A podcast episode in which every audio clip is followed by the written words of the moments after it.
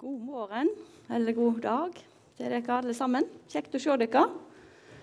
Føler det var en stund siden jeg hadde vært her inne, så nå er det trivelig å få se dere igjen, alle sammen. Ja, da er det palmesøndag, og um, vi skal lese det som er teksten for i dag, i Johannes 12, vers 12 24.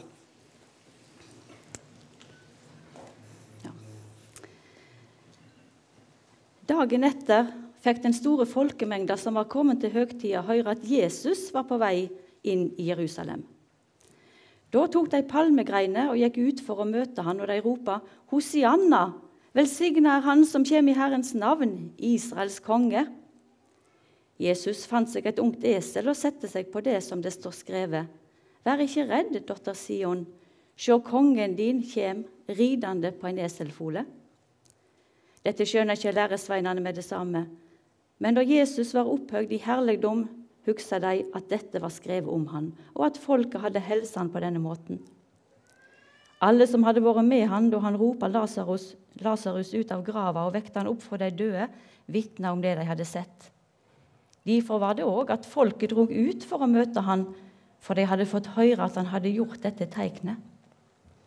Men fariseerne sa seg imellom, der ser det, det nytter ikke, hele verden springer etter han. Nå var det noen grekere mellom de som var kommet til Jerusalem for å tilbe under høgtida. De kom til Philip, som var fra Betzaida i Galilea, og sa, 'Herre, vi vil gjerne få se Jesus.' Philip kom og fortalte det til Andreas, og Andreas og Philip gikk og sa det til Jesus. Jesus svarer, 'Timen er kommet da Guds herligdom skal lyse om menneskesonen.' Sannelig, sannelig, jeg sier dykk, Fell ikke kveitekorn i jorda og dør, blir det værende bare ett korn. Men dør det, gjev det stor grøde. Jesus, takk at du kom, og takk at du kommer til oss. Takk at du har sagt du vil være hos oss nå. Og vi vil be om at Din Hellige Ånd må, må få um, arbeide, sånn at vi får høre det vi skal høre i dag, og at du må skape liv i hjertene våre, Jesus. Amen. Jeg glemte klikkeren. Skal vi se Sånn.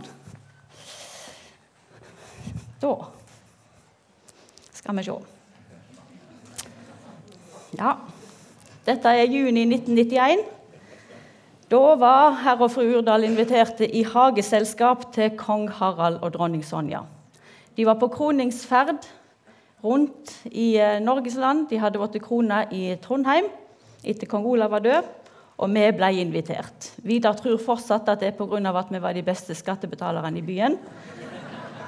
Det var nok ikke helt sant. Men det var kjempestor stas å få invitasjon i posten, og når kongen inviterer, da prøver vi ikke å finne en unnskyldning for ikke å komme. Da møter vi opp. Og Vi sto forventningsfulle og venta på at kongen skulle komme opp fra sjaluppen sin på Myren gård. Og eh, Han steig i land, og vi visste med en gang hvem det var. Vi hadde jo aldri truffet han før.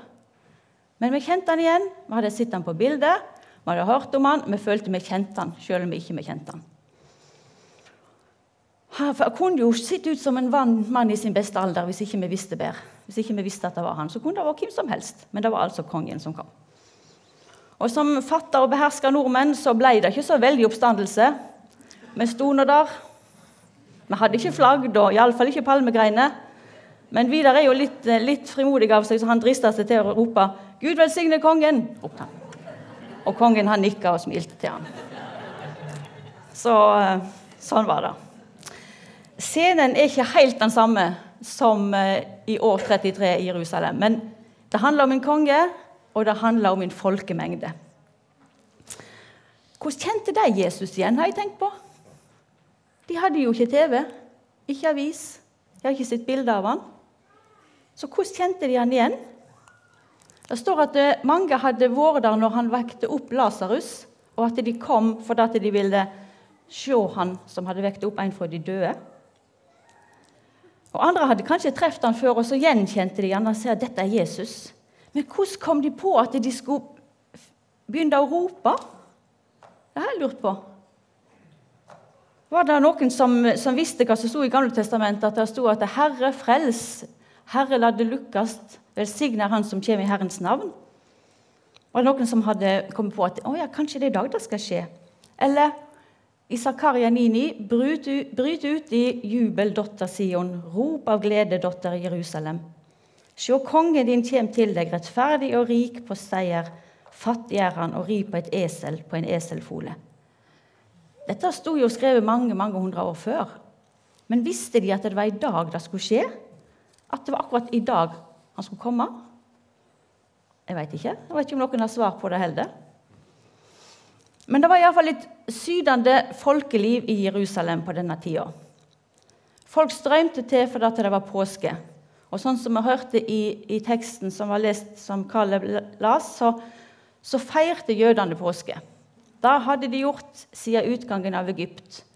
Siden de var forslava i Egypt og landeplagene ble sendt for at de skulle slippe fri, og den siste der uh, den førstefødte døde hvis ikke de hadde stråket blodet over dørkarmen sin. Så dette hadde de feira i alle år etterpå. Og Da var det mange jøder som reiste opp til den hellige byen, som bodde i Israel. Men det var òg jøder som bodde i landene rundt, som kom. Og det var òg hedninger som kom. Kanskje, de, kanskje, turismen allerede hadde begynt da. Altså at det var Noen som tenkte oi, det skjer masse i Jerusalem når det er påske. Vi må se. Se hva som skjer. Det var sikkert noen sånne òg som kom for å få vitne. Dagen før dette her så hadde Jesus blitt salva med salve fra ei alabastkrukke. Det var vanlig i Gamle testamentet at kongene ble salva. Hos oss vet de krona men der ble de salva. Og Det står at det var vanlig at de rei inn i Jerusalem, og da rei de på et muldyr. Det står om kong Salomo i første kongebok 1 at han rei inn på et muldyr. Og Det står ofte at hest og muldyr er sånne ordpar. Og de ble salva med pomp og prakt i Jerusalem av øverstepresten. Når Jesus kom, så ble han salva utenfor byen. Han ble salva av ei kvinne som heter Maria. Og det var i huset til Simon den spedalske. Det var ikke så veldig staselig. Utenfor byen av ei kvinne og Simon den spedalske sitt hus. Og så kom han inn på en eselfole. Det var heller ikke veldig staselig. Eselet det var trelldyret. Det var muldyret som var kongedyret, men eselet var trelldyret. Så han var ikke en vanlig konge og hans rike var ikke av denne verden. Det står sånn i 2. Korinterbrev 4,18.: Guds rike Nei, vi har ikke det synlige for øynene, men det usynlige. For det synlige er forgjengelig, men det usynlige, det er evig. Guds rike det er et sånt annerledesrike. Det er et opp-ned-rike. Det er ikke direkte synlig, men likevel er det det mest reelle riket av alle sammen. For det er det riket som skal bestå som er til evig tid, som aldri skal få gå. Og Senere denne dagen så rensa Jesus tempelplassen for all handel som pengevekslerne drev. Den plassen skulle være forbeholdt Gud. Det skulle være til hans ære, og det skulle være til tilbedelse for Gud på tempelplassen. Men så hadde det vært et sete for mammon og for verdslig vinning Guds rike hadde blitt omgjort til et verdslig rike, og det var ikke det tempelet skulle brukes til. Så Jesus står at han ble sint. Han rydda plassen, for han så hvor urett dette var. Og Så lurer jeg òg på hvorfor Jesus lot seg hylle av den folkemengden. Før så hadde Jesus forbudt dem å fortelle om det som hadde, hvis han gjorde et under. Så sa han ikke fortell det til noen. La det være her mellom oss. Ikke, ikke spre det rundt omkring. Men nå så kommer de, og han lar seg hylle. Han lar de roper ut at han er kongen. Hosianna roper de, det betyr 'Herre frels'. De roper 'Israels konge'. Og han visste jo hva som bodde i dem. Han visste jo da at om fem dager så ville de samme folkene rope 'korsfest'. Det var akkurat de samme folkene. De som sto og ropte Hosianna i dag, kom til å rope 'korsfest' på fredagen. Det var ikke noen som tok, tok hardt i da og begynte å rope høyt 'Ikke korsfest han, spar han'. Det var det ingen som gjorde på langfredag. Og Jesus han var jo ofte veldig krass mot hyklere. Han, hvorfor kunne han ikke sagt til dem at 'Tei still, jeg veit hvor svikefulle det er'. Det trenger ikke stå her og hylle meg i dag, for om fem, fem dager så skal det forlange at jeg blir korsfesta. Han kunne gjort det. Det hadde kanskje vært mest naturlig å tenke det. For før så var ikke hans time kommet, sier han, men nå han, sier han at timen min er kommet, og Herrens herligdom skal lyse om menneskesonen. Mens han skal vise sin herlighet, mens i neste vers så sier han at han, kveitekornet skal falle i jorda og dø. Han skal bli herliggjort ved å dø. Og Det er òg et tydelig tegn på at hans rike ikke er av denne verden. Det er et opp-ned-rike. Det er ved å dø at han vinner livet. Så Guds rike er et opp-ned-rike. Det er ikke sånn som jeg tenker. Så Jesus han lar seg hylle. Han lar de holde på med ropene sine, med, med palmegreinene og med, med, kappene sine. Han hadde jo òg måltidfellesskap med Judas noen dager seinere. Han visste jo at han skulle svike han. Han kaller han til med venn når Judas kommer og skal, skal vise soldatene hvem Jesus er. Så sier han 'venn' til han. Han som kjenner oss alle, han lar oss hylle han sjøl om han veit vi er svikefulle. Han kjenner vårt svik. Det står i en sang 'Du visste alt om meg før du meg kalla', og ga meg plass ved nådens rike bord. Han veit hva som bor i oss. Han veit at vi er haltende og halvhjerta. Og han veit at vi kan stå på søndagen og synge 'Jeg vil gi deg alt' av hele vårt hjerte. Og når kollekten skal samles inn, så har vi glemt det.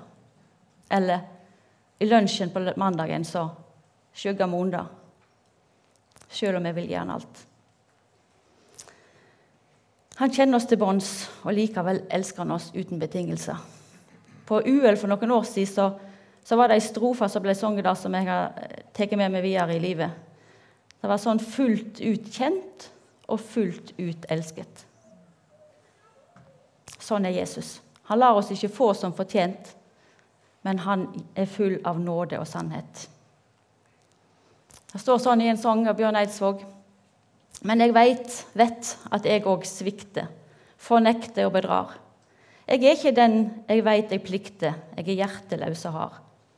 Like selv for andres nød, ofte blind for venners sorg. Hva bryr det meg de andre, det andres død, min kulde er så fast en borg. Likevel er du like glad i meg, tilgir meg alle feilene mine. Stille tar du kappa di av deg og tar til å vaske beina mine. Jesus visste om deres svik. Han vet om vårt svik. Og likevel så sier han at han er glad i oss. Israelsfolket venta på en konge som skulle fri de ut fra okkupasjonsmakta, romerne. De venta på en konge som skulle gjeninnføre jødisk selvbestemmelsesrett. Og de tenkte det skulle være gode, nye tider med framgang og fridom. Men så ble det ikke sånn. Jesus kasta ikke ut romerne, men han kasta ut pengevekslerne. For han er ikke, hans rike er ikke av denne verden. Det er et rike som han tenker er langt viktigere å bringe til denne jorda enn ditt verdslig rike. La riket ditt komme, lærte han disiplene å be. La ditt rike komme. Og det er da riket som er et opp-ned-rike, der de minste er de største der de siste er de første, og der den som er stor, skal være alle sin tjener. Og det er ved å dø at en vinner livet. Det er sånn det rike er.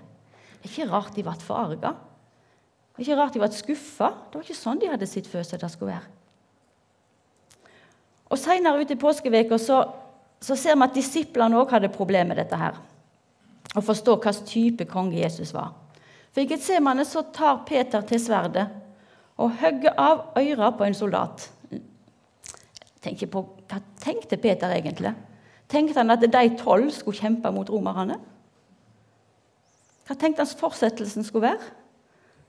Men Peter han er jo en uh, impulsiv og velmenende kar. Men uh, det kan være vanskelig å se for seg at det, hva han egentlig venter på. Og Det var jo Simon Peter også, som, som med rene ord hadde sagt, sagt dette litt tidligere. Du er Messias, den levende Guds sønn. Han hadde sagt at Jesus var Messias. Og likevel så tenker han her må jeg, Peter, nå må jeg gripe inn. Men Jesus sier jo til han, jeg kunne bedt far min om å sende engler. jeg. jeg trenger ikke deg, Peter. Jeg trenger ikke de hjelp til dette her. Det går helt fint.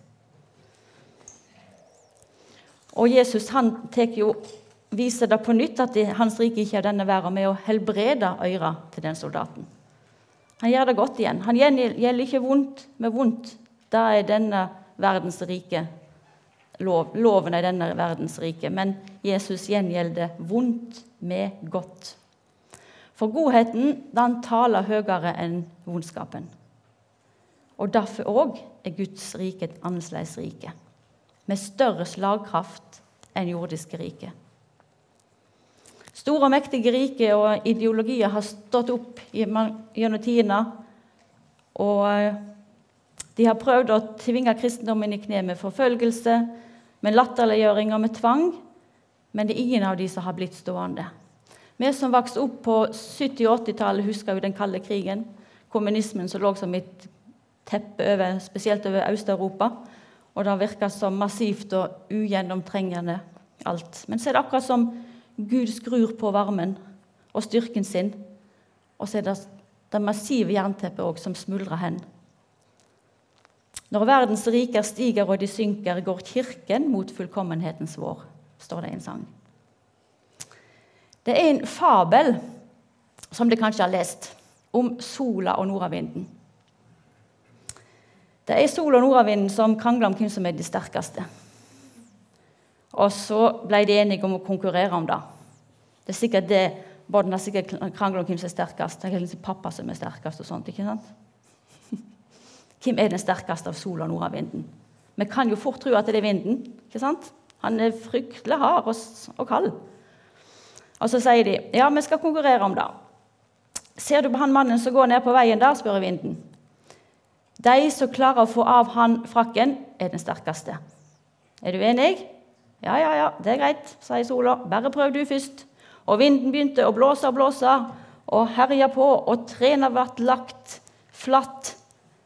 Og hva som skjedde med han mannen? Han tok frakken tettere på seg, for det ble kaldt. Ikke sant? Han måtte gi seg. Og så var det sola sin tur. Og sola hun skein og skein og skein, og det ble varmere og varmere. Til slutt så orka ikke mannen lenger, så han tok av seg frakken, for det var så varmt. Og sola vant.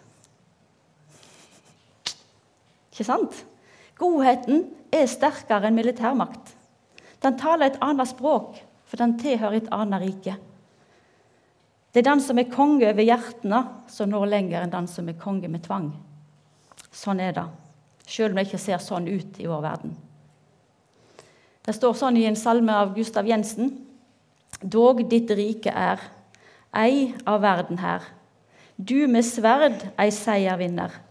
Ei med tvang ditt folk du binder, for av verden her ei ditt rike er.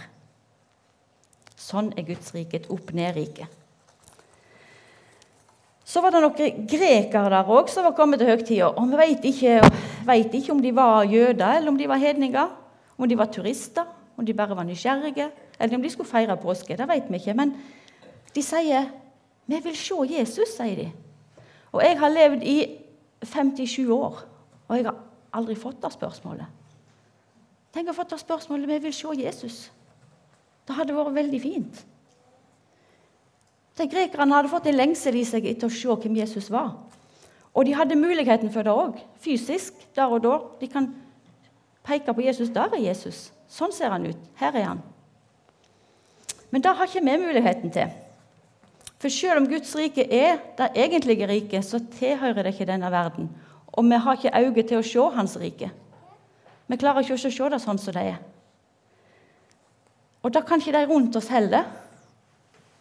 Så Derfor så må, må, de få se Jesus gjennom Hans ord, gjennom Bibelen og gjennom våre liv. Det er sånn de kan få se Jesus i dag. Han er ikke av denne verden. Det er et annet rike. Og Da er det viktig at vi sår ut Guds ord flittig og ofte og masse, så folk kan få høre. Og så er det viktig at vi lever tydelige liv, der vi viser at vi har hvem som egentlig er kongen vår, og hva rike vi egentlig tilhører. At vi tilhører et annet rike.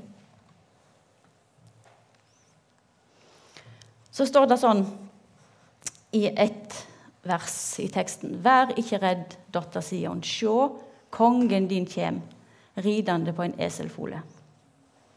Det er ikke så få plasser i Bibelen at det står akkurat her, disse tre ordene her. Vær ikke redd, eller frykt ikke. Og hvorfor sier Gud det til oss så ofte? Jeg tror det er jo fordi han vet jo hvordan vi er. Han kjenner oss fullt ut igjen. Han vet at vi er redde. Han vet at vi er redde for framtida, for hva som skal skje med helsa vår, hva som skal skje med familien og med verden og alt sammen. Han vet det. Han vet om, om vår frykt, og derfor sier han 'vær ikke redd'. Se, kongen din kjem. På julaften så sto jeg på samme plass her og fortalte om ei bru som ble bygd fra himmel til jord. Det husker jeg sikkert ikke da, men jeg gjorde det iallfall. Ei bru som var bygd fra himmel til jord. For Gud som kom. Da kom han som et barn i jula. I påsken så kommer Jesus som en konge for å tjene. Han kommer på et esel, på trelldyret, for å tjene og gi livet sitt for oss.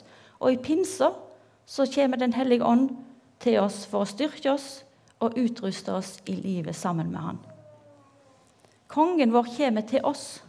Han bygger ei bru til oss. Vi skal slippe å streve å komme opp til han. Vi skal slippe å streve oss opp til hans slott, for å bruke det uttrykket. Han kommer ned til oss. Kong Harald kom i sjaluppen sin til Kristiansand. Vi slapp å reise inn til Oslo. Vi hadde ikke fått komme inn på Slottet likevel, men han kom til oss. Han kommer til oss i vår hverdag, i vår feighet, i vår tvil og i vår halvhjerta hyllest. Han kommer og vil være konge i hjertet vårt. Han vil skape Guds rike inni oss. Og En dag så skal han komme tilbake for å skape sitt rike der det er rettferdighet, der det er godt, og der varer for evig.